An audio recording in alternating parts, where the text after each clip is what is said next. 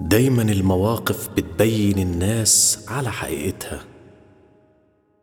وصاحبك وحبيبك بيكون حلو قوي والحياة معاك حلوة قوي.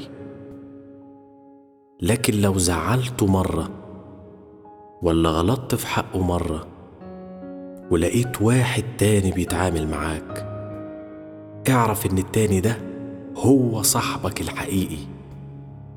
وإن الأولاني ده كان مجرد كفر ده حتى الشاعر القروي بيقول أغضب المراه تستطلع سريرته للسر نافذتان السكر والغضب.